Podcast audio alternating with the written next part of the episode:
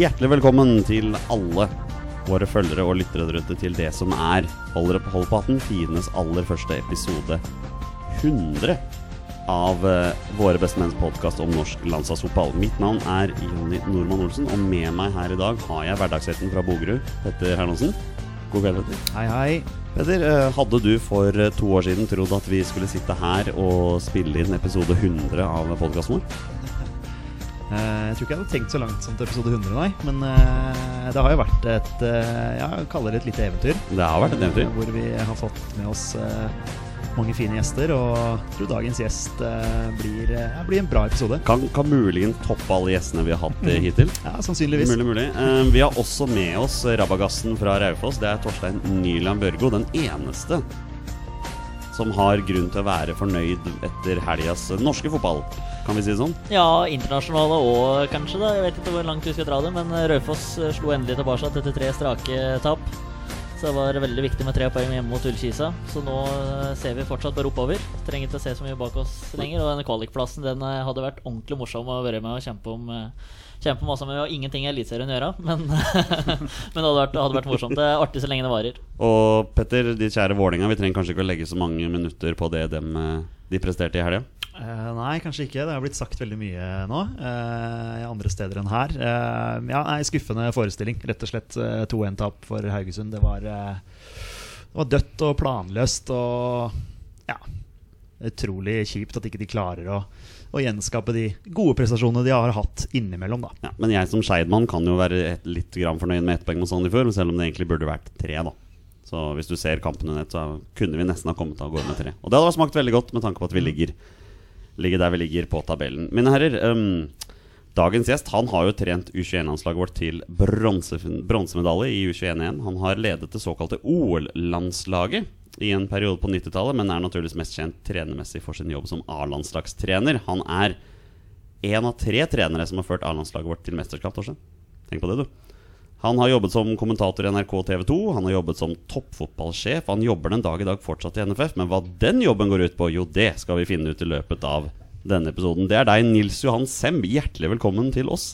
Jo, tusen takk for det. Det er veldig hyggelig å kunne være gjest nummer 100. Da. Jeg er ganske, ganske imponert over eh, at dere har spilt inn så mange episoder, og ikke minst at dere er veldig glad for at dere har fokus på norsk landslagsfotball og er entusiastiske rundt det. Vi trenger, trenger absolutt eh, trøkk fra publikum for å utvikle det her. Det høres nesten ut som du Du er litt stolt over å være vår eh, 100. gjest. Det er, det er Ja, jeg er i hvert fall veldig sånn ydmyk for alle, alle oppdrag jeg tar Ja. på meg. Dette her er jo ordentlig gøy, å være med, på, være med dere på en podkast. Så Det får vi se åssen- åssen ettermiddagen blir. Ja, det er noe med det. Vi har, vi har nettopp begynt, og vi har en, vi har en hyggelig time foran oss. Eh, Nilsson, hvordan har din eh, fotballhelg vært, da? Den har vært eh, ganske ok. Eh, sett mye fotball, både engelsk og norsk fotball. Det blir jo mye fotball i løpet av en helg, både live og prøver alltid å få med meg minst én kamp live i eh, Eliteserien. Og så blir det selvfølgelig en del engelsk på, på TV, men eneste minuset var at det ble dårlig med poeng på Fantasy, så det rykker stadig nedover tabellen. Så jeg er vel i samme båten som de som holder med Skeid og Vålerenga her. Det er fantasy, ja. Vi driver jo med det òg, vi. Ja, det er morsomt. Det er glimrende prestasjon, og det er en fantastisk scoring! Det er en av de flotteste skåringene jeg har sett på Ullevål. Dempe på brystkassa, ned på venstrebein og helt i krysset. En fantastisk eh, prestasjon av Ole Gunnar Solskjær. Nilsson, hvis jeg sier at en um 30 år gammel Nils Hansem ledet førstedivisjonslaget Eik Tønsberg til semifinalen i NM i 1989, tar jeg, tar jeg feil da, eller er jeg på blink?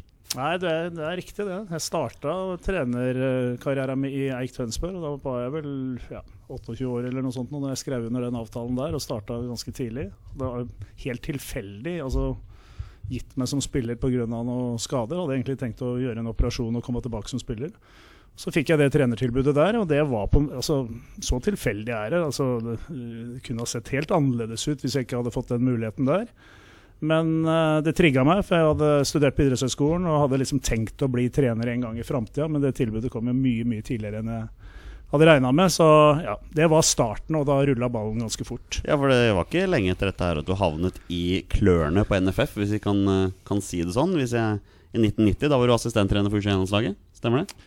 Det stemmer. Da var jeg assistent for Drillo. Jeg jobba litt på idrettshøyskolen på den tida, da, for da var jeg ferdig med studiene, studiene samtidig som eh, jeg trente da Eik Tønsberg. Og Drillo hadde Lyn, og vi konkurrerte om, eh, om opprykk, og det var tøffe tak. og vi, ja, Jeg kjente ikke han fra før, men vi ble kjent gjennom den tida der, og sånn starta landslagsløpet, for å si det sånn. Ja, du var jo en, eh, var en ung trenerspire på denne tiden, her, så vi kan si det sånn. Da må det ha vært eh, må det ha vært ganske stas å få jobbe under en såpass som etter hvert kom til å bli en såpass stor landslagslegende, sånn som Drillo, Drillo blei. Ja da, vi jobba jo veldig tett sammen. Og vi hadde det, det samarbeidet starta som sagt på idrettshøyskolen. Med mye sånn kampanalyse og undervisning og den biten der. Pluss at vi var konkurrenter i, i førstedivisjon.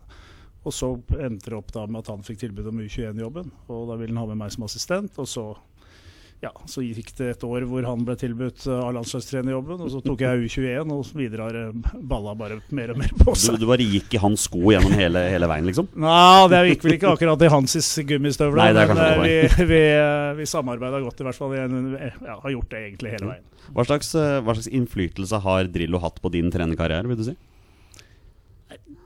Det er jo stor innflytelse, spesielt i starten, må jeg si. da. Altså det er jo når vi jobba sammen på idrettshøyskolen og vi- vi ble kjent med hverandre, og vi, som jeg sier, vi konkurrerte, og så begynte vi å jobbe med U-laget, og så fikk vi OK resultater på U-laget, og så tok jo han A-lag, og så kjenner dere jo historien rundt, eh, rundt det. Og ja, det blei jo helt fram til 98 faktisk et veldig veldig tett samarbeid. Og Så har vi samarbeida mye etter det også, men spesielt fra 90 til 98 så jobba vi tett. fordi parallelt med U21-jobben så var jeg også litt eh, der, Den gangen så kunne vi kjøre litt parallell assistentjobbing på A-laget også, fordi vi spilte A-laget og U-laget spilte mot de samme motstanderne.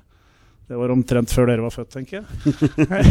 Ikke helt, men Så da, da spilte U21-laget på tirsdag, og så spilte A-landslaget som regel på onsdag. Og da var det også bare ikke dobbeltkamper, men én, én kamp av gangen, for å si det sånn. Du, du var jo med på U21-landslaget i det som på en måte har vært gullalderen til eh, landslaget gjennom hele 90-tallet. Og du fikk jo være med U21-landslaget og forme flere av spillerne som etter hvert skulle bli bærebjelker på A-landslaget. Og det kulminerte jo bl.a. i denne, i denne bronsemedaljen dere tok med U21-landslaget tilbake i 1998. Uh, hvor stort var den bronsefinalen der for uh, norsk landslagsfotball på den tida? Det var stort, det òg. Det er klart vi hadde jo vært i i VM allerede i 94 med A-landslaget. Det var jo en sensasjon den gangen. For vi hadde, så jo litt lenger fram i tid liksom at vi hadde satt oss noen høye, hårete mål med at vi liksom skulle prøve å komme oss til VM i 98. Det var vel liksom det langsiktige målet. Så ble det allerede i 94, og så kjenner dere historien ble 98 òg. Men parallelt med det så hadde dere et U21-landslag som presterte eh, omtrent like bra. Eh, og det var mange spillere som kom opp fra det laget der og opp til Drillos også. Og det U21-landslag har liksom to det er to faktorer. Du skal både drive og utvikle spillere opp til det, til det øverste nivået, og så skal du prøve å prestere selvfølgelig på den internasjonale arenaen. For det er et aldersbestemt seniorlandslag, ikke sant. Så der var jo mange av de som har prega norsk, liksom norsk fotball på 90-tallet, men også etter 90-tallet, som var eh, spillere på det laget der. Ja, for det er klart, når du ser eh, startelveren til U21-landslaget i den nevnte bronsefinalen, så er det jo flere spill her som skulle ta steget videre på A-landslaget. Det ble jo 2-0-seier mot Nederland i den bronsefinalen. Husker du hvem som uh, skåra begge måla? Ja, Det var Steffen. Han hadde et fantastisk mesterskap. eh, Steffen Iversen. Eh, han hadde vært skada veldig lenge, og det var sånn at han akkurat eh, rakk mesterskapet. Og Han burde ha vært i A-landslagstroppen og ville da vært et veldig viktig bidrag til VM i 98. Men eh, uttaket var, på A-landslaget var før vi spilte EM, så vi fikk ikke gjort den vurderinga. Og det var veldig veldig synd, for som jeg sagt, han rakk det akkurat og var i superform. og, og ja, øh, var vel kanskje, Jeg synes han var den, han ble ikke kåra til den beste spilleren. Spania vant uh, finalen, og de hadde vel Goti eller noe sånt som ble kåra til det, tror jeg. Men Steffen var for meg den beste spilleren i det mesterskapet. Og da, i bronsefinalen, var vi helt overlegne. Altså Totalt vant 2-0, men burde ha vunnet mer. Og da den gamle trenerlegenden Rinus Michels var på den kampen og kom Ah. bort til meg etter kampen og, og, og sa at det var, han, var virkelig imponert over Norge. For jeg tror Jeg lurer på om ikke Nederland hadde Makai og Nistelrooy på topp, og vi hadde Iversen og Lund. Og, og, eh, og han dro fram spesielt Steffen. Da, som, det var mange som var gode i den kampen, men Steffen var outstanding. Og han var egentlig outstanding i hele mesterskapet. Hvis jeg, hvis, jeg, hvis jeg utfordrer deg til å fortelle hvem som var i startelveren til Norge i den kampen der, tror du at du klarer elveren da? Ja, da utfordrer du meg skikkelig, skikkelig, skikkelig. Um, ja, det var i hvert fall eh, Espen Bårdsen i mål. Det stemmer. Og så tror jeg vi hadde et stoppepar med Frode Kippe og Knut Henri Haraldsen. Det er også riktig. Og Hainok Tran var venstrebekk. Det stemmer. Så var vel Vegard Heggem ikke høyrebekk, nei. Han Nei, var ikke han, kant. Han var høyre kant. Nei, han var ikke med i startelveren. Nei, han, Det er litt tricky, den her, men ifølge meg så er det Trond Andersen som spilte på den ene bekken. ja, det er nok, kan nok stemme. Men Vegard var ikke med der da han spilte semifinalen. Da. Men uh, da, ja, ok. Um, Ja, du er imponert allerede, altså. Det må jeg si. Så må jeg ta Eirik Bakke spilte muligens. Ja, stemmer det. Så hadde vi Steffen og Andreas Lund. Ja, Der mangler, mangler noen midtbanespillere. Mangler tre, mangler tre spillere her, ja. Uh, nei, vi man kan vel mangle bare jo, tre spillere til. Bakke, En sentral og begge kantspillere, da. begge kantspillere. Men er det kantspillere ja. Det er litt vanskelig å si. Jeg, jeg tror kanskje at Steffen Iversen og Torstein Helstad spilte på kantene, og at Andreas Lund var framme i en 4-5-1. Det Nei, jeg tror Steffen spilte, tror vi spilte, Ja, Steffen kan ha også spilt Ja. ja. Han kan ha spilt på en kant. Han Ja. kan det. Litt sånn innoverkant, spiss. de tre, Eh, de tre andre var Torstein Helstad, Bjarte Lunde Årsheim og Daniel Berg Hestad. Daniel var jo kaptein på laget, så Ja. det beklager, Daniel. Du som er Blir sikkert veldig fornærma nå når du hører dette Så her. Daniel var, Daniel var jo også en av de som hadde et virkelig godt mesterskap. Ja. Eller hele laget hadde jo et godt mesterskap. Ikke sant? Du, um, når skjønte du at eh, du var aktuell som arvtaker for Drillo etter fotball-VM i 98? Eh, Nei, det var jo før det, da. For det blei ble jo klart på egentlig ja, eh, I hvert fall et drøyt halvår i forkant. Eh, men eh, jeg skjønte jo etter hvert som altså U21-landslaget hadde gjort det ganske bra over lang tid. Vi tok en bronse i 98, men vi var veldig nære med å nå OL i 96 også. Men da måtte jeg gi fra meg så mange spillere til Drillo at i avgjørende kamp mot, mot Tor André Flo bl.a. Så avgjørende kamp mot Nederland så var vi litt redusert men, eh, med, og tapte den. Men eh, så ja, en skjønte i hvert fall at man var en kandidat. Og så var det vel Vi hadde en kamp på Island, det var vel sommeren, høsten 97. Hvor da forbundsstyret kalte meg inn på et møte, og da, ja, da rulla ballen ganske fort. Var det Følte du litt press på dette her når du skjønte at du kom til å få den jobben? Ja, du, du føler jo press. Jeg vet det er et veldig ledende spørsmål, men jeg må bare spørre det. Altså, I den tida der så var det jo sånn at vi det er ganske annerledes altså Tenker tilbake på det, så var det sånn at vi tenkte sånn at vi skal jo vinne hver eneste kamp. Vi skal jo gå til hvert eneste mesterskap. altså Vi var på en måte inni den tankegangen der. Vi skulle klatre på Fifa-rankinga, vi skulle være topp ti.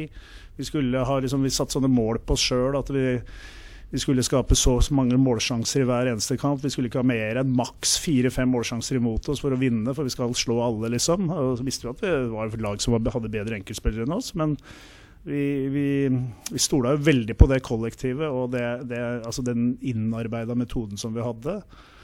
Så ja, en følte press, men samtidig så hadde han en viss trygghet fordi han hadde holdt på så lenge i systemet. Han hadde vært med både U-landslaget og A-landslaget og kjente spillerne, og at han hadde mm, spillerne så sterkt i ryggen. Uh, uten det så hadde det vært veldig vanskelig. Så den hadde jo vært en del av hele den prosessen på 90-tallet, altså i åtte år før jeg overtok A-landslaget. Så jeg var ikke noe stressa, men uh, når du står her i første kvalikkampen og, og, og du ryker 3-1 mot Latvia, for de hadde revet halve tribunen her, og folk puper og roper på Drillo, så, så kjente du mer press kanskje i, i kamp nummer to borte mot Slovenia. Da følte jeg nok litt press. Petter, vi, eh, du og jeg har jo vokst opp i en eh, fotballmessig en periode hvor Norge var på vei oppover eh, i landslaget. Og det er klart, eh, vi kan vel si at vi var litt bortskjemt i oppveksten også, med tanke på at vi kom inn fotballmessig i en periode hvor Norge bare ble bedre og bedre. Ja, så var vi vant til, vi var vant til mesterskap, da. Så altså, jeg ble jo fotballinteressert rundt 94, eh, og da var vi jo i VM, og så var det jo VM 98, og så var det jo i EM 2000, så liksom, vi er jo vant med det. At vi liksom, ja, vi gikk glipp av ett mesterskap imellom der i, i eh, 96. Eh, så ja, vi er, var nok litt bortskjemte, ja. Torstein, du som er den klart yngste av oss her i Våre bestemenn, når var det din fotballinteresse for alvor kicket inn? Nei, for eh, altså det Jeg fortalte før, når naboen klikka helt når Rekdal satt og straffa i Marseille. Eh, Det er liksom det er det, på en måte det første minnet, og kanskje det minnet som sitter igjen. Eller så er det når Iversen header inn 1-0 i Spania, da, eller mot Spania eh, i eh, EM i 2000. Da var det, det er liksom noen sånne ting som bare, som bare sitter igjen. Og så er det et par opplevelser her på Ullevål. Men, men det er kanskje de to der, altså. Rekdal som, Jeg husker ikke at ball gikk inn, men at det, som nevnt naboen. Og så er det, så er det Iversen-headinga mot Er det Casillas? Nei, det var Molina. Ja, Ja, Molina, Hodge Jorge Molina er det han Ja. slår i dueller. Ja, nei, men det er, det er, nok, det er nok de to som ja. sitter der. altså. Da satt jeg på en, eh, på en eh, folkehøyskole et eller annet sted, på leirskole med ungdomsskolen, og så den kampen på dårlig TV. I går Nilsson, så var det nøyaktig 20 år siden Norge spilte 0-0 i en treningskamp mot Romania på Ullevål her i 1998. Var det din første landskamp som hovedtrener for Norge? Det var det. 0-0. 0-0, Romania. Ja. det var ikke så dårlig. Det kunne ha vært mange mål i den kampen der, egentlig. Bare- syns vel kanskje at vi, vi var litt bedre enn Romania, men Romania var en god fotballnasjon på den tida der. Absolutt. Hadde mange store spillere i Europa. Så. Men igjen, det er klart vi var ikke fornøyd med det. For altså på Ullevål så var eh, eh, Der skulle vi, vi vinne. Det var et fort. Eh, og så starta det med 0-0, og så, så gikk det enda dårligere i neste kamp. Men så, derfra og inn, så begynte det å gå ganske bra. Ja, for det er vel ingen tvil om at det er greit at Romania var et veldig bra landslag på den tida, men Latvia var vel ikke akkurat noen eh, stormakt i europeisk landslagsfotball på den kampen. Nei, og vi taper altså første EM-kvaliken, og det var jo klart det var knalltøft, men det var egentlig mot hva skal jeg si, for mot en gang ting var at det var mot alle odds, men det var altså helt eh, Hvis du hadde sett kampen igjen, og jeg hadde klippet ut alle skåringene, og du skulle gjette sluttresultatet, så tror jeg du hadde tippa 6-0 til Norge. Ja. For det var den kampen vi var mest overlegne i hele kvaliken. Og så taper du 3-1. Det skal nesten ikke gå an, men, eh, men det gikk altså, gikk altså an. og det var andre kamper som var tight i den kvaliken som vi, som vi vant. Men eh, Latvia-kampen burde vi altså vunnet, men tapte. Og da ble det jo selvfølgelig mye styr og ståk og sånne ting. Det er ikke alltid en klarer å se bak resultatet og se at en har uflaks. Da ble det mye fokus på neste kamp og må vinne og bla, bla, bla. Og Slovenia var et ganske bra lag på den tida, så Men da var det vel en letta Nils og Hans Sem som uh, så at Kjetil Rekdal scora på returen på sitt eget frispark. ja, der. Først Rekdal og så Flo, hvis jeg husker riktig. Stemmer det. Eh, og I tillegg så hadde da Det starta på verst tenkelig måte der òg, med at de fikk et mål hvor linjemann uh, alle trodde han markerte for offside. Ja, og alle Ja, stoppa stemmer det. Bjørneby som ble- ja. Arne. Hjeltnes har vel lagd en, en parodi på Ja, det, stemmer sånn som han både leser dikt og viser dette her. Og det var sånn at Ingen skjønte noen ting, og så sto det plutselig 1-0 til Slovenia og på bortebane. Så tenkte jeg oi, helvete, dette må vi snu, og her må vi ha mål ganske kjapt. Så skåringa til Rekdal var nok den som snudde det. Derfra inn var vi ganske gode, syns Nei, jeg. jeg hadde helt glemt den episoden Ja, før du var- nevnte det nå. Men jeg husker jo den parodien du snakker om også, hvor Stig Inge Bjørneby han virkelig gikk inn i rollen der som helt sjokkert fyr når Lindemann begynte å vinke der. Og ingen som skjønte noen ting. Har- Husker du den? Nei, jeg har ikke, jeg har ikke sett det, eller? Den Nei. ligger sikkert på YouTube. Ja, da skal vi søke opp. Men eh, det er klart, eh, Nilsson, det som skjer etter det tapet, er jo kanskje noe av det sterkeste landslaget har gjort på nesten noensinne. Det, det er 15 strake landskamper uten tap. Det er 11 seire og fire uavgjorte. Og i 1999 så vinner vi ni strake landskamper. En rekord som fortsatt står den dag i dag. Mm. Det er, det er knallsterke tall. Ja, det er sterke tall, og det er nok Jeg tror kanskje da øh, Og det har ikke noe med meg å gjøre, men det har noe med de spillerne vi hadde da. Jeg tror vi hadde det sterkeste landslaget var i den 99-sesongen. Og inn mot for så vidt EM så fikk vi dessverre masse skader inn mot EM. Og selv om de som kom inn gjorde en god figur, så mista vi med ganske mange nøkkelspillere inn mot EM. I 99 så ble vi også kåra til årets lag i Europa. Stemmer det? Um, så det, og det var, var, var spesielt. Men vi var gode altså, på den tida der. Vi klatra vel og Da snakker vi om den moderne tida. Da klatra vi helt opp til sjetteplass på Fifa-rankinga før EM. Og da hadde jo den Fifa-rankinga blitt justert ganske mange ganger. I starten var det mulig å få masse poeng med 10-0 mot San Marino, det var ikke på den tida. Så jeg følte kanskje Spania Spania, Frankrike og Nederland var de tre lagene som jeg kunne sagt, på for, sagt liksom at når vi gikk, altså er bedre enn Norge. Resten syns jeg vi var eh, fullt på høyde med og bedre enn faktisk på den tida der. Men det var da Tyskland som til slutt eh, tok eh, rekka Ja. der med 1-0-seier her på Ullevål. Ja, og et ran. En ran av en kamp, faktisk. De som, Husker det godt. Så det var også en kamp vi var kanskje en av de beste kampene vi spilte det året. Uh, Tapte 1-0 på overtid på et frispark fra Mehmet Shal. Eh, ja, som sneik seg inn i, bak Jeg tror det var Frode Olsen, ja. Eh, jeg er ikke helt sikker på det, men jeg tror det var Frode Olsen. Jeg syns du imponerer med hukommelsen her, så jeg blir ikke overrasket hvis det stemmer for å være riktig. Men det var en fantastisk sesong, og da var vi gode. Altså, det, det var sånn at du Jeg tror både spillerne og støtteapparatet og jeg tenkte sånn at nei, vi, vi skal slå alle, liksom. Det er en god følelse når du det er, det er- litt fjernt, men det er en god, var en god følelse. Jo, men det er klart, som du nevner, vi var jo et, eh, et veldig bra landslag på den tida der. Og i oppladningen til EM 2000, da vinner vi bl.a. 2-0 borte mot Tyrkia. 1-0 hjemme mot Italia her på Ullevål, i en kamp hvor jeg mener eh, Buffon ble skada. Når han eh, prøvde å redde Ja. må Karev. Karev. Karev der, ja. Da ble Buffon. Buffon skada og gikk glipp av mesterskapet. Han slang seg i stanga og brakk fingeren. Og så kom uh, Toldo inn og gjorde et fantastisk mesterskap for. Italia. Italia gikk jo helt til finalen og burde vel egentlig ha vunnet, selv om Frankrike avgjorde det på etter ekstraomganger. Eller sudden ja. death, eller hva det var. for noe. Ja, så- Så- ja, sånn Sudden death, golden- golden goal. golden goal. Golden goal, ja. ja. Golden Ja, det stemmer det. Golden ja, Goal. Presse G Ja. som bankeren i nettaket. Jeg du kan litt, du òg, Torstein. Ja, altså, Du var født da, 2000. Ja, da var jeg født. var Bare slå tilbake nå, du som er fra Raufoss, har grunn til å vise litt muskler overfor de gutta ja, skal vi prate historie her, så skal vi, da kan vi virkelig briljere. Nei, men vi går videre. Um, hva slags forventninger hadde dere innad i troppen til EM i 2000? Hadde øh, altså Gjennom den kvaliken og det vi, det vi hadde gjort, altså som jeg sier, så hadde vi jo veldig stor sjø- sjøltillit i laget. Eh, Vi slo Italia her på Ullevål rett før vi dro også, men vi hadde også ganske store skadeproblemer inn i troppen. Eh, Det var noen spillere som dro ned der som hadde et veldig dårlig Dårlig grunnlag. Eh, Ronny var, var ute på forhånd. Leo, som hadde vært viktig i kvaliken, var ute på forhånd. Henning sleit og røyk allerede etter 30 minutter i første kampen, så da var stoppeparet vårt borte. Uh, Vegard Heggem hadde slitt, Roar Strand hadde slitt. Altså, så vi var litt sånn på tuppa. Vi, eh, så ja, vi var optimistiske, og vi hadde trua på hvert fall minimum at vi skulle gå videre. Og Det begynte jo bra mot Spania, så gikk det ikke så bra etter hvert. Men eh, så ja, forventningene var store, og vi hadde stor trua. Men eh, må jo si at vi reiste litt skuffa derfra. Det er jo klart at den headingen til Steffen Iversen mot Spania står jo fram som et eh, minne som kommer til å leve i all tid i norsk landslagsfotball, Petter. Vi må jo være såpass ærlige å si det. Ja, lang ball fra Thomas Myhre. Ja, vi er sikre på at det er Thomas Myhre. Ja, vi hadde vel den diskusjonen i en Vi annen den diskusjonen, ja. Det- kan vel sikkert Nils Johan eh, bekrefte at det var Thomas Myhre som sto i mål. Men er det noen sjuke greier som gjør at Norge ikke går videre derfra fra Vi, gruppespillet? vi skal innom det nå. Oh, ja, ja, beklager. Beklager at det er uh, Fordi vi, foran. vi følger jo opp den, den seieren med tap mot Jugoslavia. 1-0. Savo Milosevic Ja. skårer målet. Skårer ganske tidlig på en eh, corner eller eh, korridorfrispark eller noe sånt. Nå. Og det er i den kampen jeg for alvor ble kjent med uttrykket Balkanlandslag som haler ut tida. Fordi de gjorde nesten ikke noe annet den kampen. Det husker jeg veldig godt. Nei, jeg husker jeg snakka med dommeren eh, etter kampen. Han det var en skotte som het Hugh Dallas. og Han var helt fortvila. Han var helt fortvila, for han sa at han hadde mista det helt. Altså Han beklaga, og han sa altså det, Jeg tror de Den står nok ikke som rekord ennå, men på den tida så sto den sto veldig lenge som sånn rekord i forhold til effektiv spilletid. Jeg tror tida var nede på 43 minutter. Ja, 90, Mhm. Ja, min, 90 minutter pluss overtid. Ja. Og det var bare Altså, de, de lå nede og dro ned. Altså, det var eh, Hele rytmen ble ødelagt i kampen, så det var nesten ikke noe fotballkamp etter at de gjorde 1-0. Så er jo denne, så er jo den siste matchen, da. Det blir 0-0 mot Slovenia.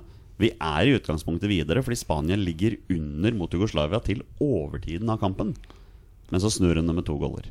Ja, de skårer jo to mål på overtid, og det var sånn eh, Det var jo helt surrealistisk, for når skjer det, liksom? Det, det skjer jo aldri, kommer aldri til å skje igjen, men eh, noen ganger så skjer jo de tinga som ikke skal skje.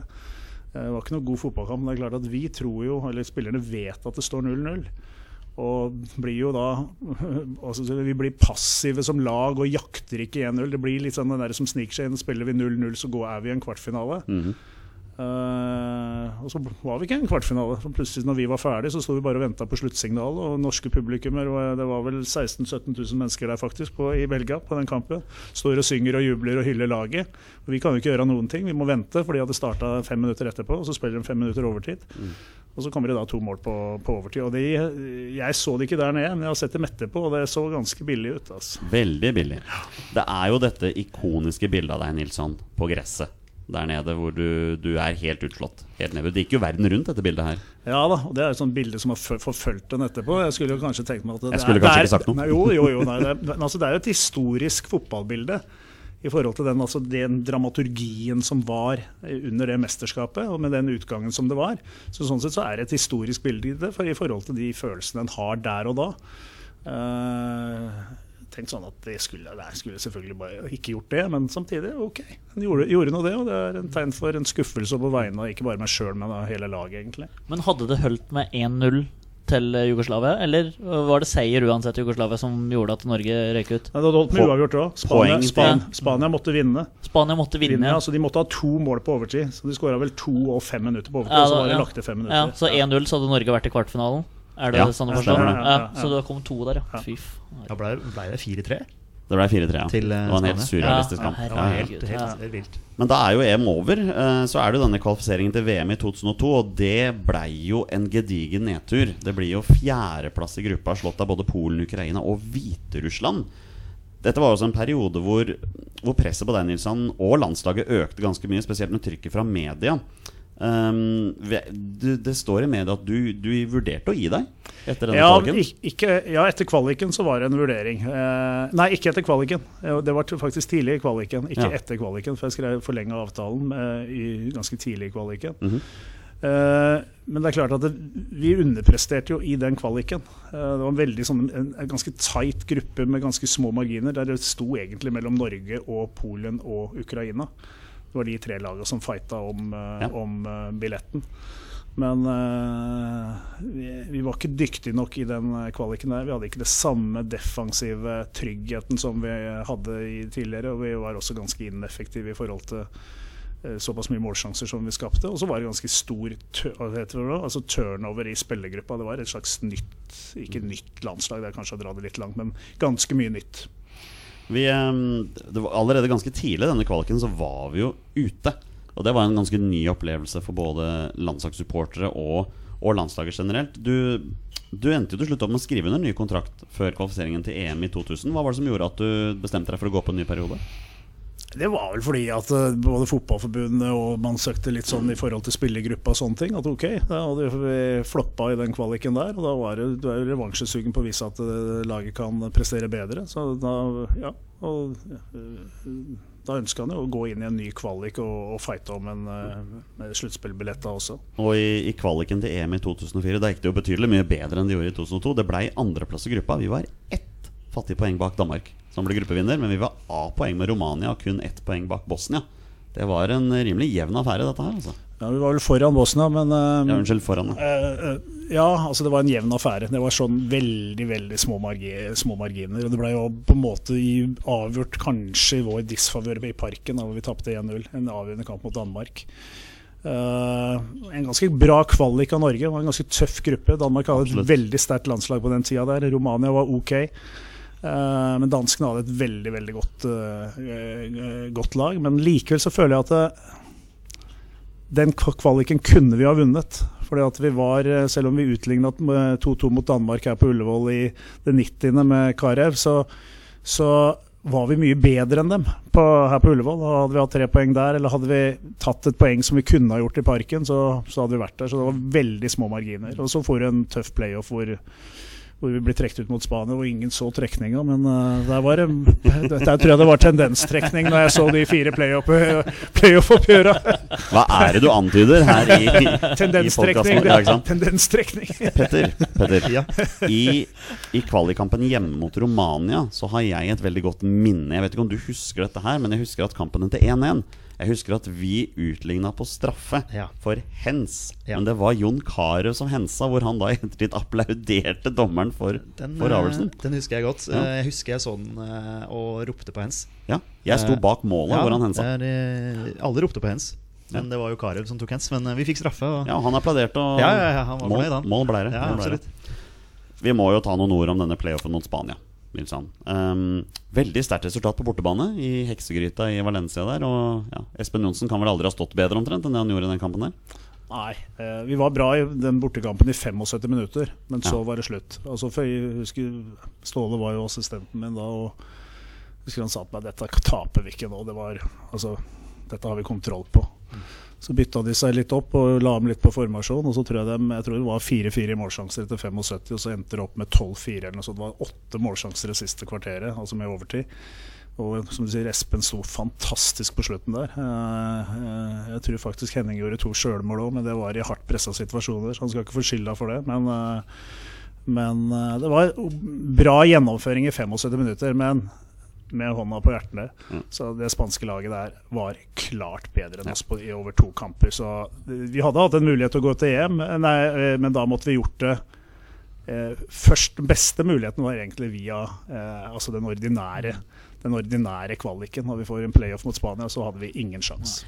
Eh, nå må du arrestere meg hvis jeg tar feil, men en, eh, en 20 år gammel Jonny Olsen Han mener å huske at Nils Johan sa før playoff-kampen på hjemmebane, for vi lå bare under 2-1, at taktikken var å ligge bakpå og vente og angripe når det var igjen et kvarter på forhåpentligvis stillingen 0-0. Kan det stemme, eller er jeg helt på viddene? Det kan jeg ikke huske jeg har Nei, sagt. er jeg helt det tror jeg ikke jeg har sagt. Det høres som en at vi, Jeg tror vel at vi nok hadde en strategi på at vi skulle vi vinne den kampen mot Spania, så var vi både avhengig av å holde nullen, og vi visste at vi kom ikke til å få så veldig mange målsjanser. Vi hang bra med fram til de skåra først, men så hang vi faktisk ganske bra med og hadde mulighet til å gjøre 1-1. Men når de da gjorde 2-0, så, så var det sluttkjørt. Og det, vi var ikke i nærheten, altså egentlig. Altså Det spanske laget var mye bedre enn oss eh, de, over de to kampene der. Så ærlig må vi være. Og det hjalp jo ikke at Espen Johnsen pådrar seg denne skaden også, ganske tidlig i det oppgjøret her på Ullevål. Nei, jeg husker ikke om det var toeren eller treeren hvor han øh, øh, pga. skaden har Sparker ballen i hodet på Exeberia der, ja. ja, ja. Så det var ikke noe, det var ikke noe god sorti, akkurat det. Men uh, sånn er livet. Det er noen oppturer, og det er noen nedturer. Og dette er jo også kampen hvor uh, reservekeeper Frode Olsen grisetakler en tilskuer som stormer banen. Så Og så tok han lua hans. tok lua hans Ja, òg, ja, ja. så litt humor var det. Ja, på slutten ja. Dette ble jo din siste landskamp, Nilsson. Det var siste landskampen. Ja. Med A-landslaget, i hvert fall. Ja, med A-landslaget, naturligvis. uh, og da, etter at landslagskarrieren var over, Nilsson, så var det vel kommentatorstolen i diverse TV-studioer som, uh, som ventet? Ja, litt begge deler. Jeg jobba med noen prosjekter også innafor norsk toppfotball, men, og hadde også noen aldersbestemte landslag. Eh, to G19-landslag bl.a. Med mange av de spillerne som er på spiller A-landslagsfotball i dag, faktisk. Med Josh og med Omar og Markus Henriksen ja, og, og, og, og flere til. Det er ganske gøy at de nå er på A-landslaget. Eh, så det var eh, to spennende kull. Uh, og så ble det mye kommentering først for Kanal Pluss. og hadde jo hatt en fortid med lenge i NRK på 90-tallet også, med Skeie og Kjell Kristian Rike. Og, og så ble det TV 2 og uh, mest Alsaker, og, og som Ja, vi hadde det gøy sammen flere år der. Men det blei jo toppfotballsjef i NFF til slutt. Det var vel i 2010? kan 2010 stemmer. Ja. Eller Og- 2009. ja. 2000 akkurat i skiftet der. En jobb som du holdt i, i ganske mange år. Eh, Kan det stemme at det var i 14-15 år? Om det kanskje ikke var lenger også? Nei, vi starta i 2010, og jeg gikk av nå i 2018. Så Det er åtte år, det. Ja, De som er gode De som er, Hoderegningen min de som er er ikke helt veldig gode i hode, hode, hode, hoderegning, tar det. Ja, jeg er ikke det. Så han sitter enda, mener du? Det, er det det? det merker vi nå. Sitter ti år Sitter til. ti år til, da. ja. Men Nilsson, um, i lø på slutten av din periode som toppfotballsjef så, så var det jo, kom det en del kritikk fra media. Eh, spesielt når resultatene til landslaget ikke gikk spesielt bra. Um, når du tenker nå tilbake, var, var, dette, en, var dette den tyngste perioden, nei, perioden i din tid i NFF? Altså, ja du, får, du, må, altså, du må face resultatene, spesielt med A-landslaget herrer. Da. Så hadde du også Parallelt med det så hadde du et kvinnelandslag som floppa i EM i 20, når ble dette, 2017. Så der kom det jo en del. Liksom, altså, da blir det jo sånn der, Når de to sluttproduktene våre, A-landslagene våre, flopper uh, Vi har ikke vært i et sluttspill med A-landslaget siden 2000, så blir det jo mye fokus på det. Samtidig så må jeg si at i den perioden jeg var toppfotballsjef, så tror jeg vi kvalifiserte oss til 17 eller 19 mesterskap totalt med landslaget våre, men ingen med A-landslaget herrer. Så det er liksom A-landslaget herrer som drar med seg det. Jeg ser positivt tilbake på den perioden med alle de tinga som vi skapte rundt spillerutvikling og, og, og aldersbestemt landslagsfotball, landslagsskole osv. osv.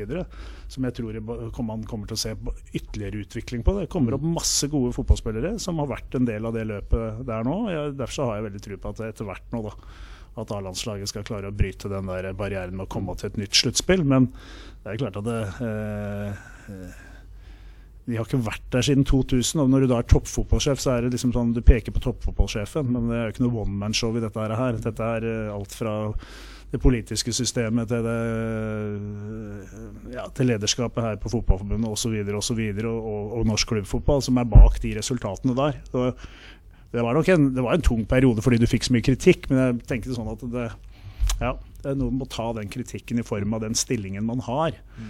Eh, så ja, skal jeg si det, Jeg har vært så lenge i dette gamet her at jeg, jeg, jeg lever med det, altså. Vi, vi skal nå straks gå inn på en del spørsmål som vi har fått fra noen lytterne våre. Og Et av de spørsmålene han har fått, kommer fra en med brukernavnet Sulfat. Og Han lurer seg på hva er det egentlig Nils Hanshems nye jobb nå går ut på? Hvordan ser en typisk arbeidsdag ut? Altså, jeg jobber jo fortsatt med landslagene, da. Eh, I en, hva skal du kalle det, det er mange navn. Du kan kalle det mentor eller rådgiver eller coach eller uh, veileder eller whatever. Men jeg jobber tett opp spesielt mot de aldersbestemte landslagene. Og så jobber jeg ikke mer enn uh, rundt 50% så det gjør at jeg pendler litt mindre inn til Oslo og står litt mindre i bilkø, som jeg er veldig glad for. Begynner å bli en voksen kar. Så, uh, men jeg jobber med det faglige rundt de aldersbestemte landslagene, og det, det, er veldig interessant. Og I tillegg så jobber jeg også da med med det som er det øverste kurset vårt, først og fremst på trenersida, altså topp, det, Uefa Pro-lisens heter det. Ja.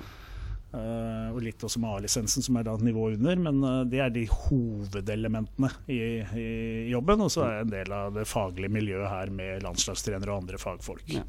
Og i, i, mars 2021, da er, da er det slutt? Da er det pensjonstiden? Da er det slutt, i hvert fall her. Så får vi se, da. Det kan nok hende at jeg kommer til å gjøre litt andre ting. Og kanskje ja. til og med andre ting når det gjelder fotball. Så vi får se. Ja, det var det vi skulle spørre om nå. Hva er planen etter, uh, etter NFF? Det veit du kanskje ikke nå? Nei, nei, jeg har noen tanker rundt det, men uh, vi får se hva som, uh, hva som byr seg. Når går kontrakta til Ronny Dale ut i Vålerenga? Er det Sembin i Vålerenga? ja, den tar vi ikke her nå. tar den etterpå. Og det er godt! Det er Og det er Solskjær som også ble tomålsskårer. Og hvilken avslutning. Se på balansen, se på timinga, hvordan han lar ballen falle ned på foten og klinker den med venstrefoten knallhardt opp i nettet. Vi har annonsert i våre sosiale medier-kanaler at vi skulle få besøk av Nils Hansen. Og Petter, vi har jo fått en bråte med spørsmål, så mange at vi ikke har sjanse i havet til å ta alle sammen. Nei, det har vi ikke muligheten til. Eh, nå er vi heldige å få ha Nils Johan her en times tid, og det er vi veldig takknemlige for. Eh, vi kan jo starte med et spørsmål fra Keiser Såse. Han spør hva er det sureste øyeblikket du hadde som landslagstrener, og hva er det beste øyeblikket? Når vi starter med det sureste. Du har kanskje vært innom det, men ja, Det eh, sureste øyeblikket er definitivt når vi ble slått ut i EM. Det er klart at det er på overtid der, og Spania skårer to, nei, to mål på, på, på eh, overtid der. Det er surt. Man han så for seg en kvartfinale. Det hadde vært all time high. Så nære er i toppidretten. Det var surt. Eh, det, det det artigste øyeblikket tror jeg var eh, gjennom en, en, fantastisk kvalik som bare ble bedre og bedre når vi slo Slovenia 4-0 på, på, Ullevål. og, og sikra sånn, sånn der høstkveld med dugg i gresset ja. og fem-seks plussgrader og full stadion og bra trøkk og så gjør du en topp, toppkamp. Eh, det var gøy. Og så er det selvfølgelig Man ser jo tilbake til seieren mot Spania i EM og mm. Brasil-kampen i VM. Og ja, heldigvis opplevd mye positivt. Altså, ja, holder på med dette, så er det også noen sure øyeblikk. Mm. Hopper videre vi til Tinkler, som, eh, som lurer på hva tenker du om kritikken av Eliteserien fra landslagssjef Lars Lagerbäck? Ja, nå er vi spente.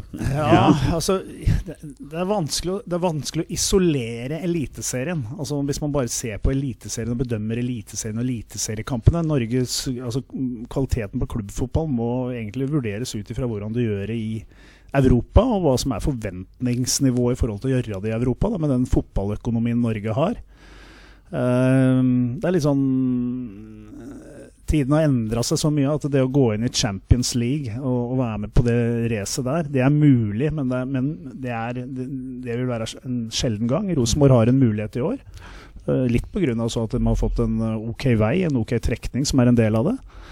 Det er å ansett en 50-50-mulighet, men at Norge skal ha med et par lag i Europaligaen hvert år, det, er, det syns jeg de bør ha.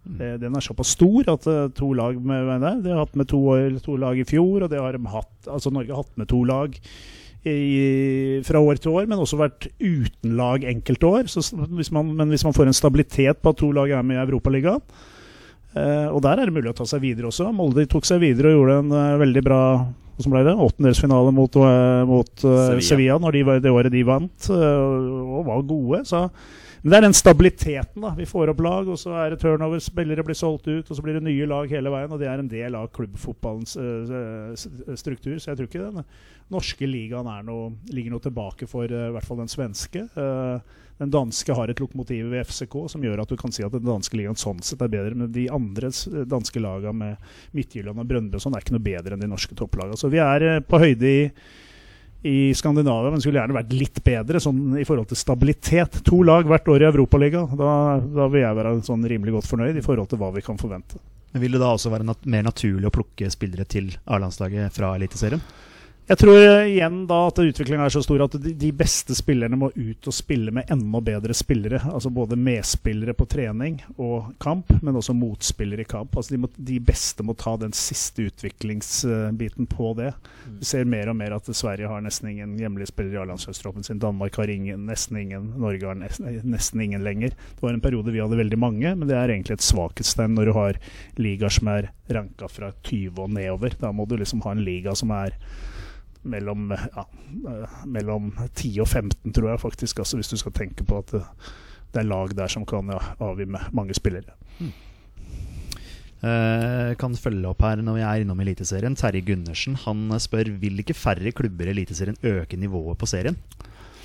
Ja, altså konkurranse, altså konkurranse stimulerer jo utvikling. Altså det er jo de tøffeste ligaene som stimulerer utvikling. Det er de beste spillerne her. Så hvis du legger det til grunn, så, så er det et, et, riktig argument, og et argument jeg har brukt mange ganger sjøl i forhold til å, å, å, stramme inn på det. Men så har jeg også respekt for de som mener at det, ja, det er ikke så stor forskjell på disse lagene. Norge er et langstrakt land.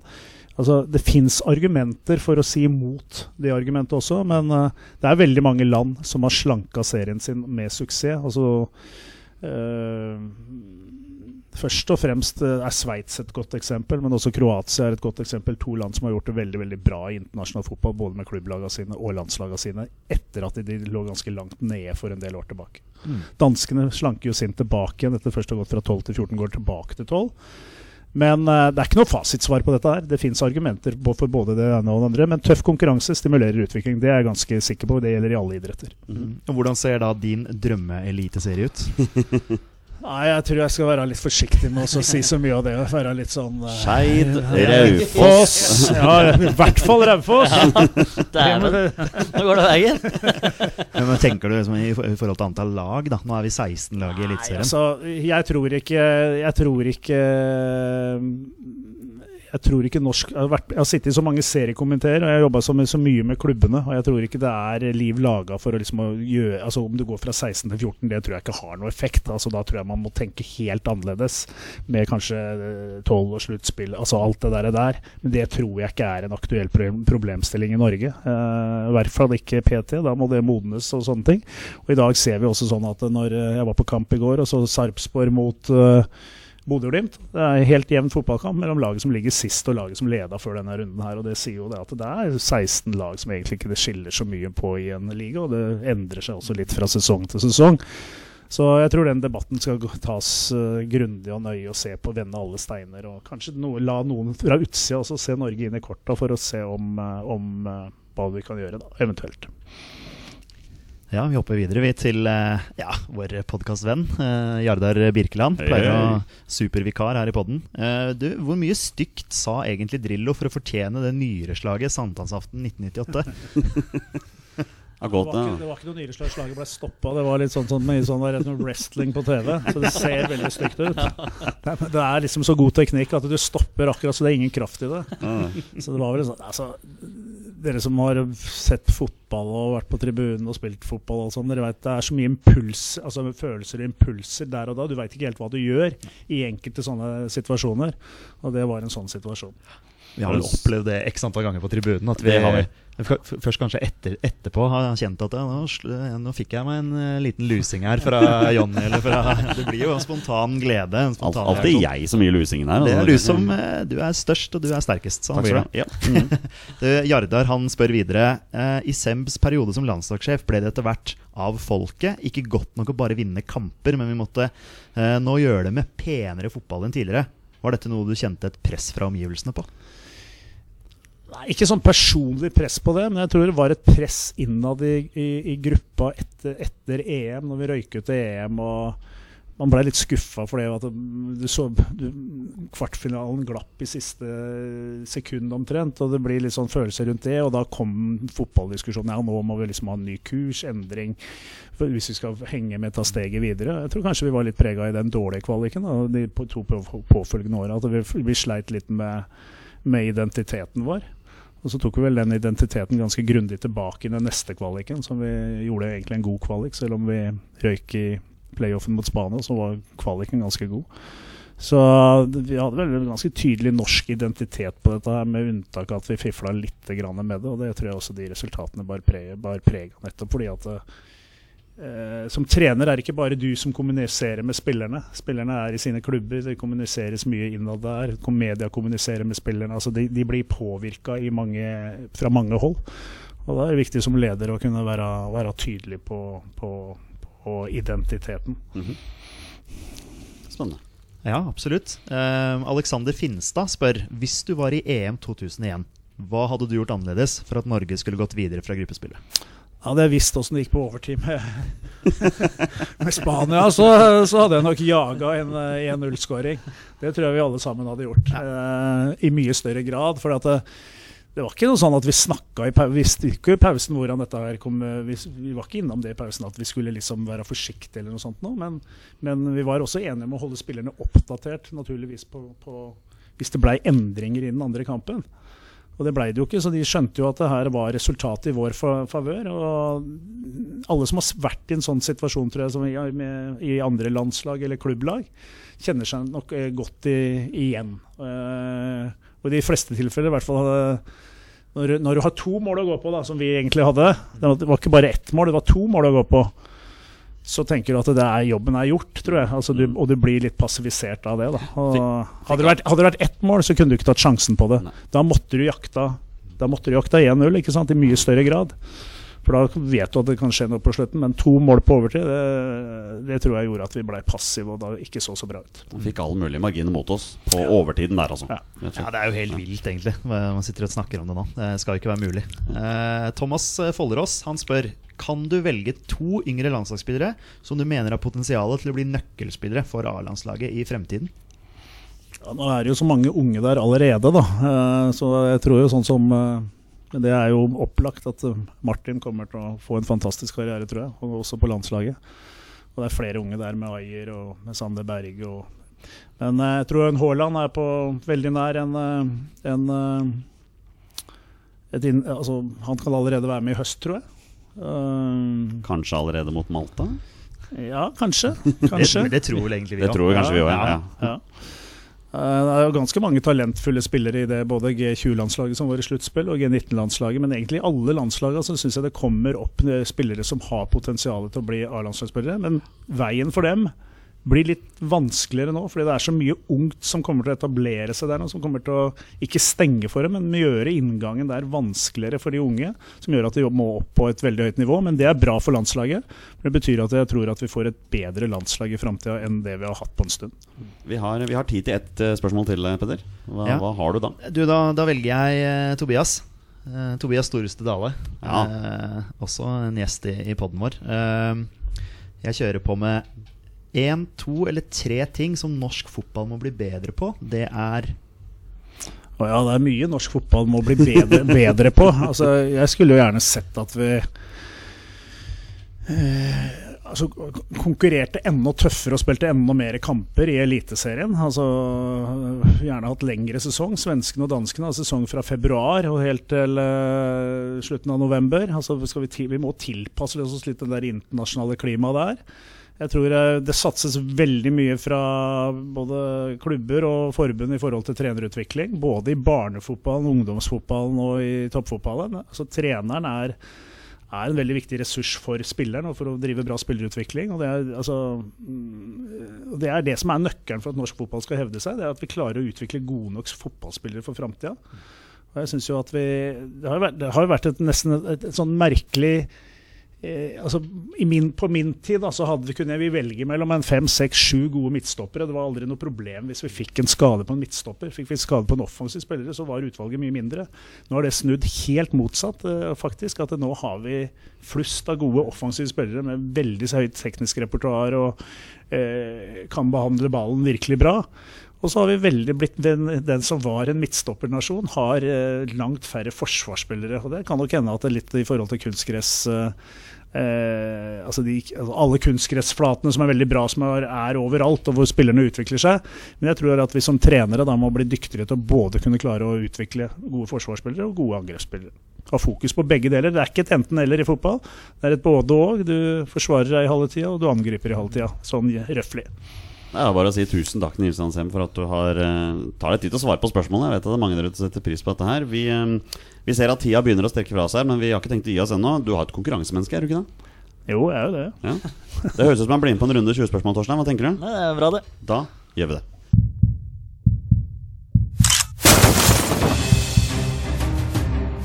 Er han nåværende landslagsspiller? Er han utenlandsproff? Er han fortsatt aktiv? Er han back? Har han spilt for Rosenborg? Damer og herrer, det er nå tid for 20 spørsmål.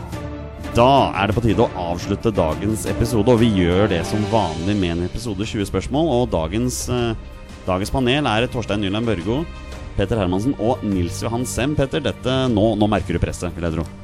Ja, det, er, det er stort å sitte her og spille 20 spørsmål med Nils Johansson. Det, det må jeg si. Men han har jo vist gjennom denne episoden at han har en klisterhjerne så det holder, så det må Ja. jo være en ressurs å ha med seg. Jeg har forventninger, ja. Men jeg føler dette er eksamen vår. Altså Nå har det liksom vært oppvarming med alle andre. Episode 100.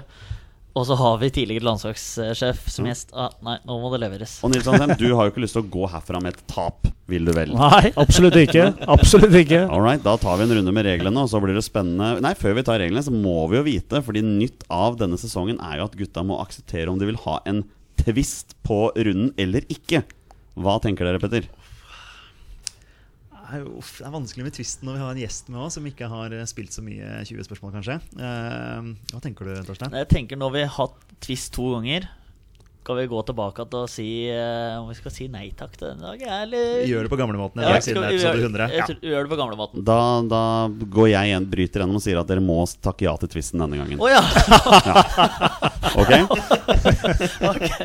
vel. Eh, ja, selvfølgelig. Vi Ja. takker selvfølgelig ja, Ja, til den tvisten. Det er, det er en grunn til tvisten, skjønner du. Alright, her er, her er som følger. Eh, Petter, Torstein og Nils har da 20 ja- og nei-spørsmål på å komme fram til spilleren det er snakk om. Det er en spiller som har minst én A-landskamp for Norge. Bonusregelen her er at dere kun kan gjette navnet på spilleren én gang. Og her er twisten som jeg tvinger igjennom denne gangen, for det var sikker på at dere skulle takke ja.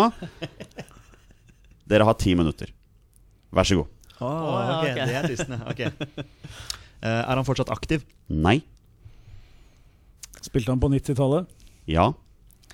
Altså, dette her er jo en spiller som har, Nils Johan har hatt i troppen Som han har coacha? Ja, ja. Det er jo, sannsynligvis. ja. Er det et spørsmål? Nei. har han vært med i mesterskap for Norge? Uh, ja. Ja, altså vært med som en del av troppen. Ikke nødvendigvis at han har spilt, men Nå ble jeg faktisk litt usikker. ja. Um, uh, vet du hva? Jeg, er, jeg har ikke tid til å sjekke det opp akkurat nå, så jeg skal ikke svare på den, for jeg er ikke helt sikker på det. Ok, da kommer vi jo ikke ikke videre der. er han uh, spilleren ute på banen? Ja. Men skal vi se, han var aktiv? Nei. Nei, nei, nei, kan ikke ha vært han var på 90-tallet. På 90-tallet. Eh, skal vi prøve oss på, Posisjon? på en posisjon? Sånn at vi bare Er han eh, midtbanespiller? Nei. Spiss? Nei. Ja, da er han jo forsvarsspiller, da. Så Ja, det kan være keeper òg.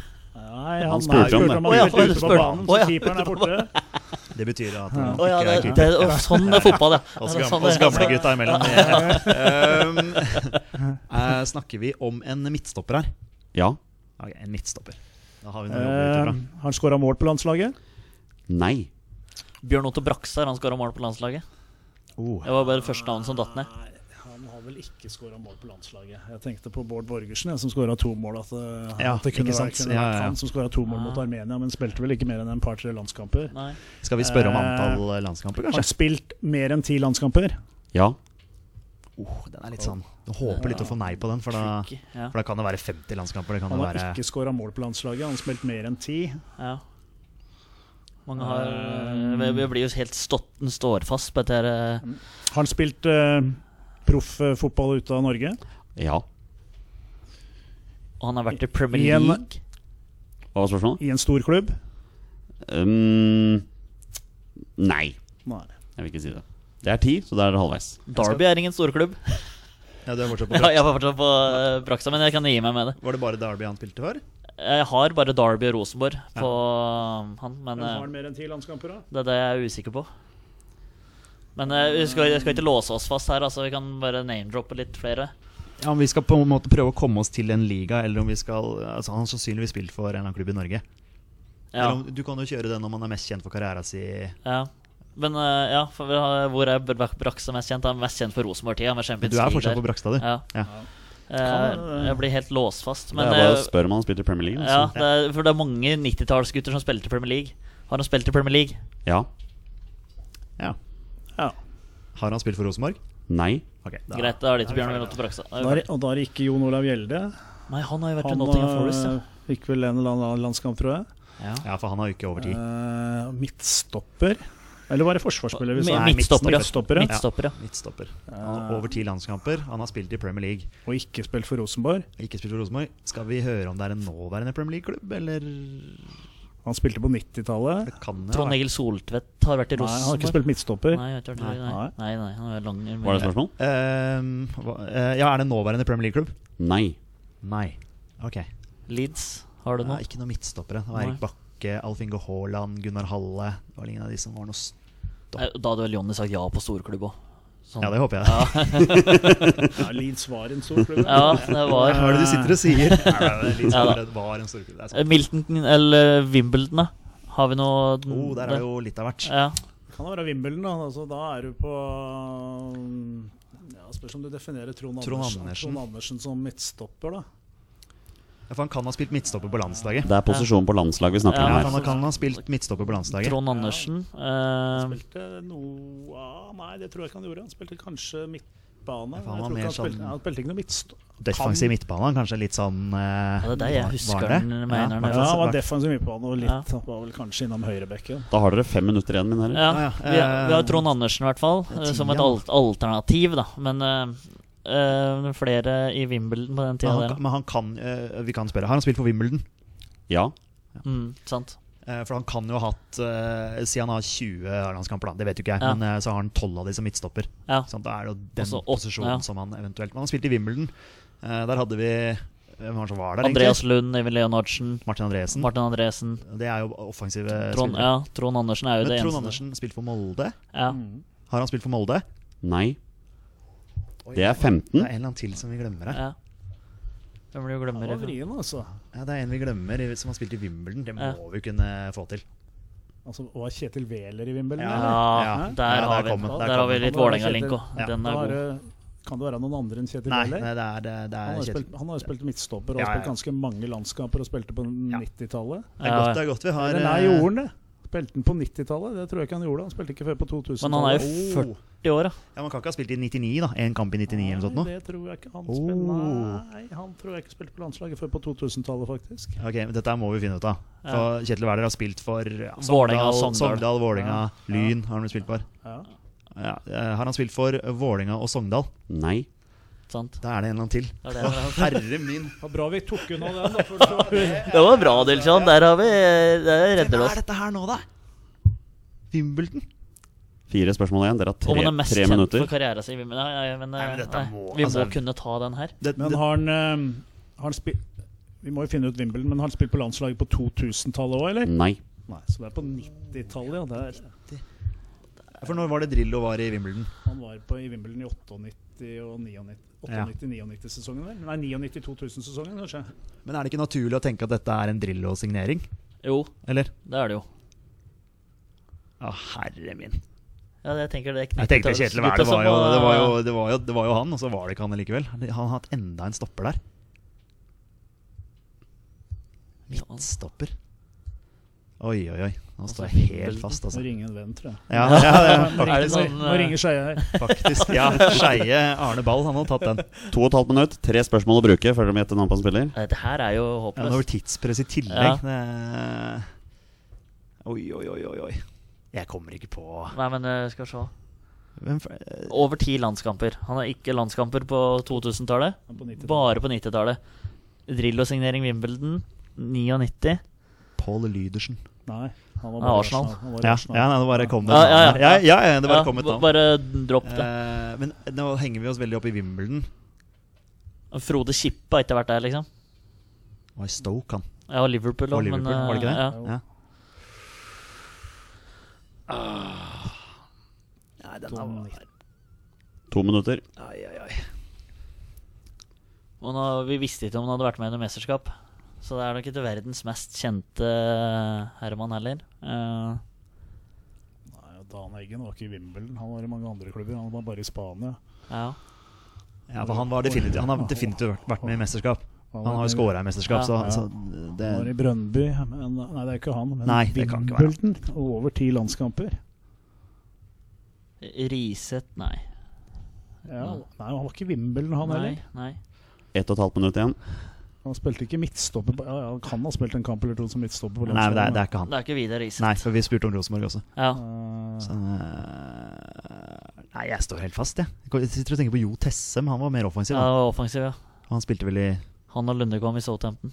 Ja. Lundekvam var jo der. Nå har vi snart tatt- alle englandsproffene. Ja. Ja, ja, ja, ja. Eh, Utenom det. Det er kult å ryke 20 spørsmål i episode 100. Ja, Så har vi den gjesten vi har. Det er jo pinlig.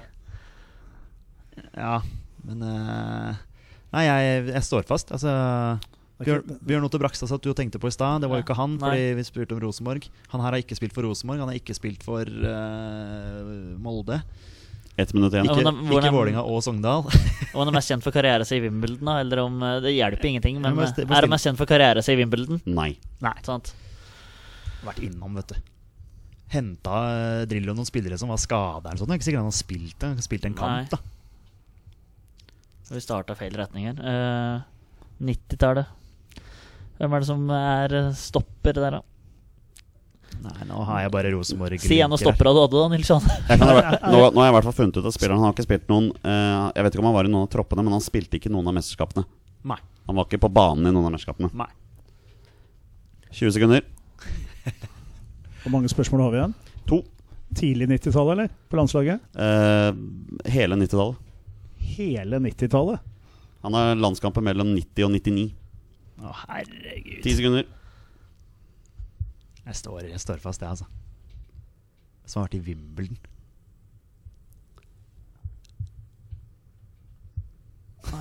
Nei, det er helt, det er helt blank. Ja. Og da er tida ute. Det er eh, hardt å komme fra jobb og rett på podkast og tenke på dette her og ha tidspress. Og så har vi så mange navn. Og det blir bare sånn Åh, når du sier ja, svaret. ja, ja. Jeg vil nok tro at dere hadde nok tatt den hvis dere hadde hatt litt mer tid, men siden Ja. vår, vår kjære gjest her må, må lette på beina og komme seg av gårde snart, så kan jeg i hvert fall nevne at spillerne har snakk om har spilt Premier League-fotball for tre forskjellige klubber. Ja. I tillegg til Wimbledon så har han spilt for Blackburn og Oldham. Gu- Gunnar Halle? Nei. Eh, har en veldig lang karriere bak seg. Har spilt i utlandet. Så han har spilt for IF Göteborg, han har spilt for Sanfris Hiroshima, FC St. Pauli, Eintracht Frankfurt og eh, ikke minst Trosvik og Fredrikstad. Det er en eh, øst østfolding vi har med å gjøre. Det er det. Eh, spilleren det er snakk om, heter Tore Pedersen. Å, herre min gud. Jeg vet for lite om han. Det er det 45 landskamper er, for Norge fikk Tore Pedersen. Det, det, Han, eh, han var på banen i tre av dine kamper som eh, landslagstrener Nilsson, på slutten av i 99. Stemmer. Fikk sin første landskamp i 1990. oi, oi, oi, eh, Tore P. Ja, nei, Tore P. han er Leeds-supporter. Det er han. Uh, Agent, er han ikke det dag i dag? Ja. han- ja, men, men jeg sitter og tenker Han var veldig sentral for Drillo i starten av Ja. 90-tallet. Fram til så fikk han litt skade. Men han var vel aldri i noen av troppene i mesterskapene? Det var han ikke. Nei. Det var han ikke. Nei. Men den, eh, 45 eh, landskamper, det sier jo litt, da. Han, ja, eh, Ben Bauta. Veit, veit for lite om han, rett og slett. Ja. Om karrieren hans. Ja. Jeg var ikke klar over at han har vært i Wimbledon engang. Flest Ja, kamper som midtstopper på landslaget. Dæven, den var eh, helfrekt, den, gitt. Ja. Det er flaut å ryke Ja, i jeg, dag. tror, jeg tror Nils Johan faktisk kjente mest på den der. Jeg kjente ordentlig på den. også. Får komme tilbake i episode 150, da, vet du. Jeg Altså. håper ikke Tore sitter og hører på det her. For meg høres det ut som Nils Hansheim kommer tilbake ved et senere Ja, ja, tidspunkt. Kun altså, for å spille. Han får være med på sånn 20 spørsmål spesialer. for å spille 20 spørsmål. Hele Unntatt Tore Pedersen. I hvert fall av de som har spilt, i hvert fall av de som har spilt bakover på Ja, banen. ja. Vi skal gi oss nå. Nils Hansheim, tusen hjertelig takk for at du tok deg tid til oss i dag. Det har vært en, vært en fornøyelse å sitte her. Eh, Selv takk. Det har vært uh, veldig hyggelig å være her. Hyggelig å mimre litt, kanskje. Ja, det er alltid hyggelig å mimre litt, i hvert fall på de Når du stiller gode spørsmål. Altså. Alt det du hadde glemt, du ripper jo oppi òg, da. Men du, får få det. Torstein, har du hatt det bra i dag? Jeg har hatt det helt suverent. Og Petter, har du kost deg gluggjern? Ja, det er storkost meg. Det er bra. Vi er våre bestemenn. Heia Norge. Heia Norge. Hei, Norge. Hei, Norge. Og hei!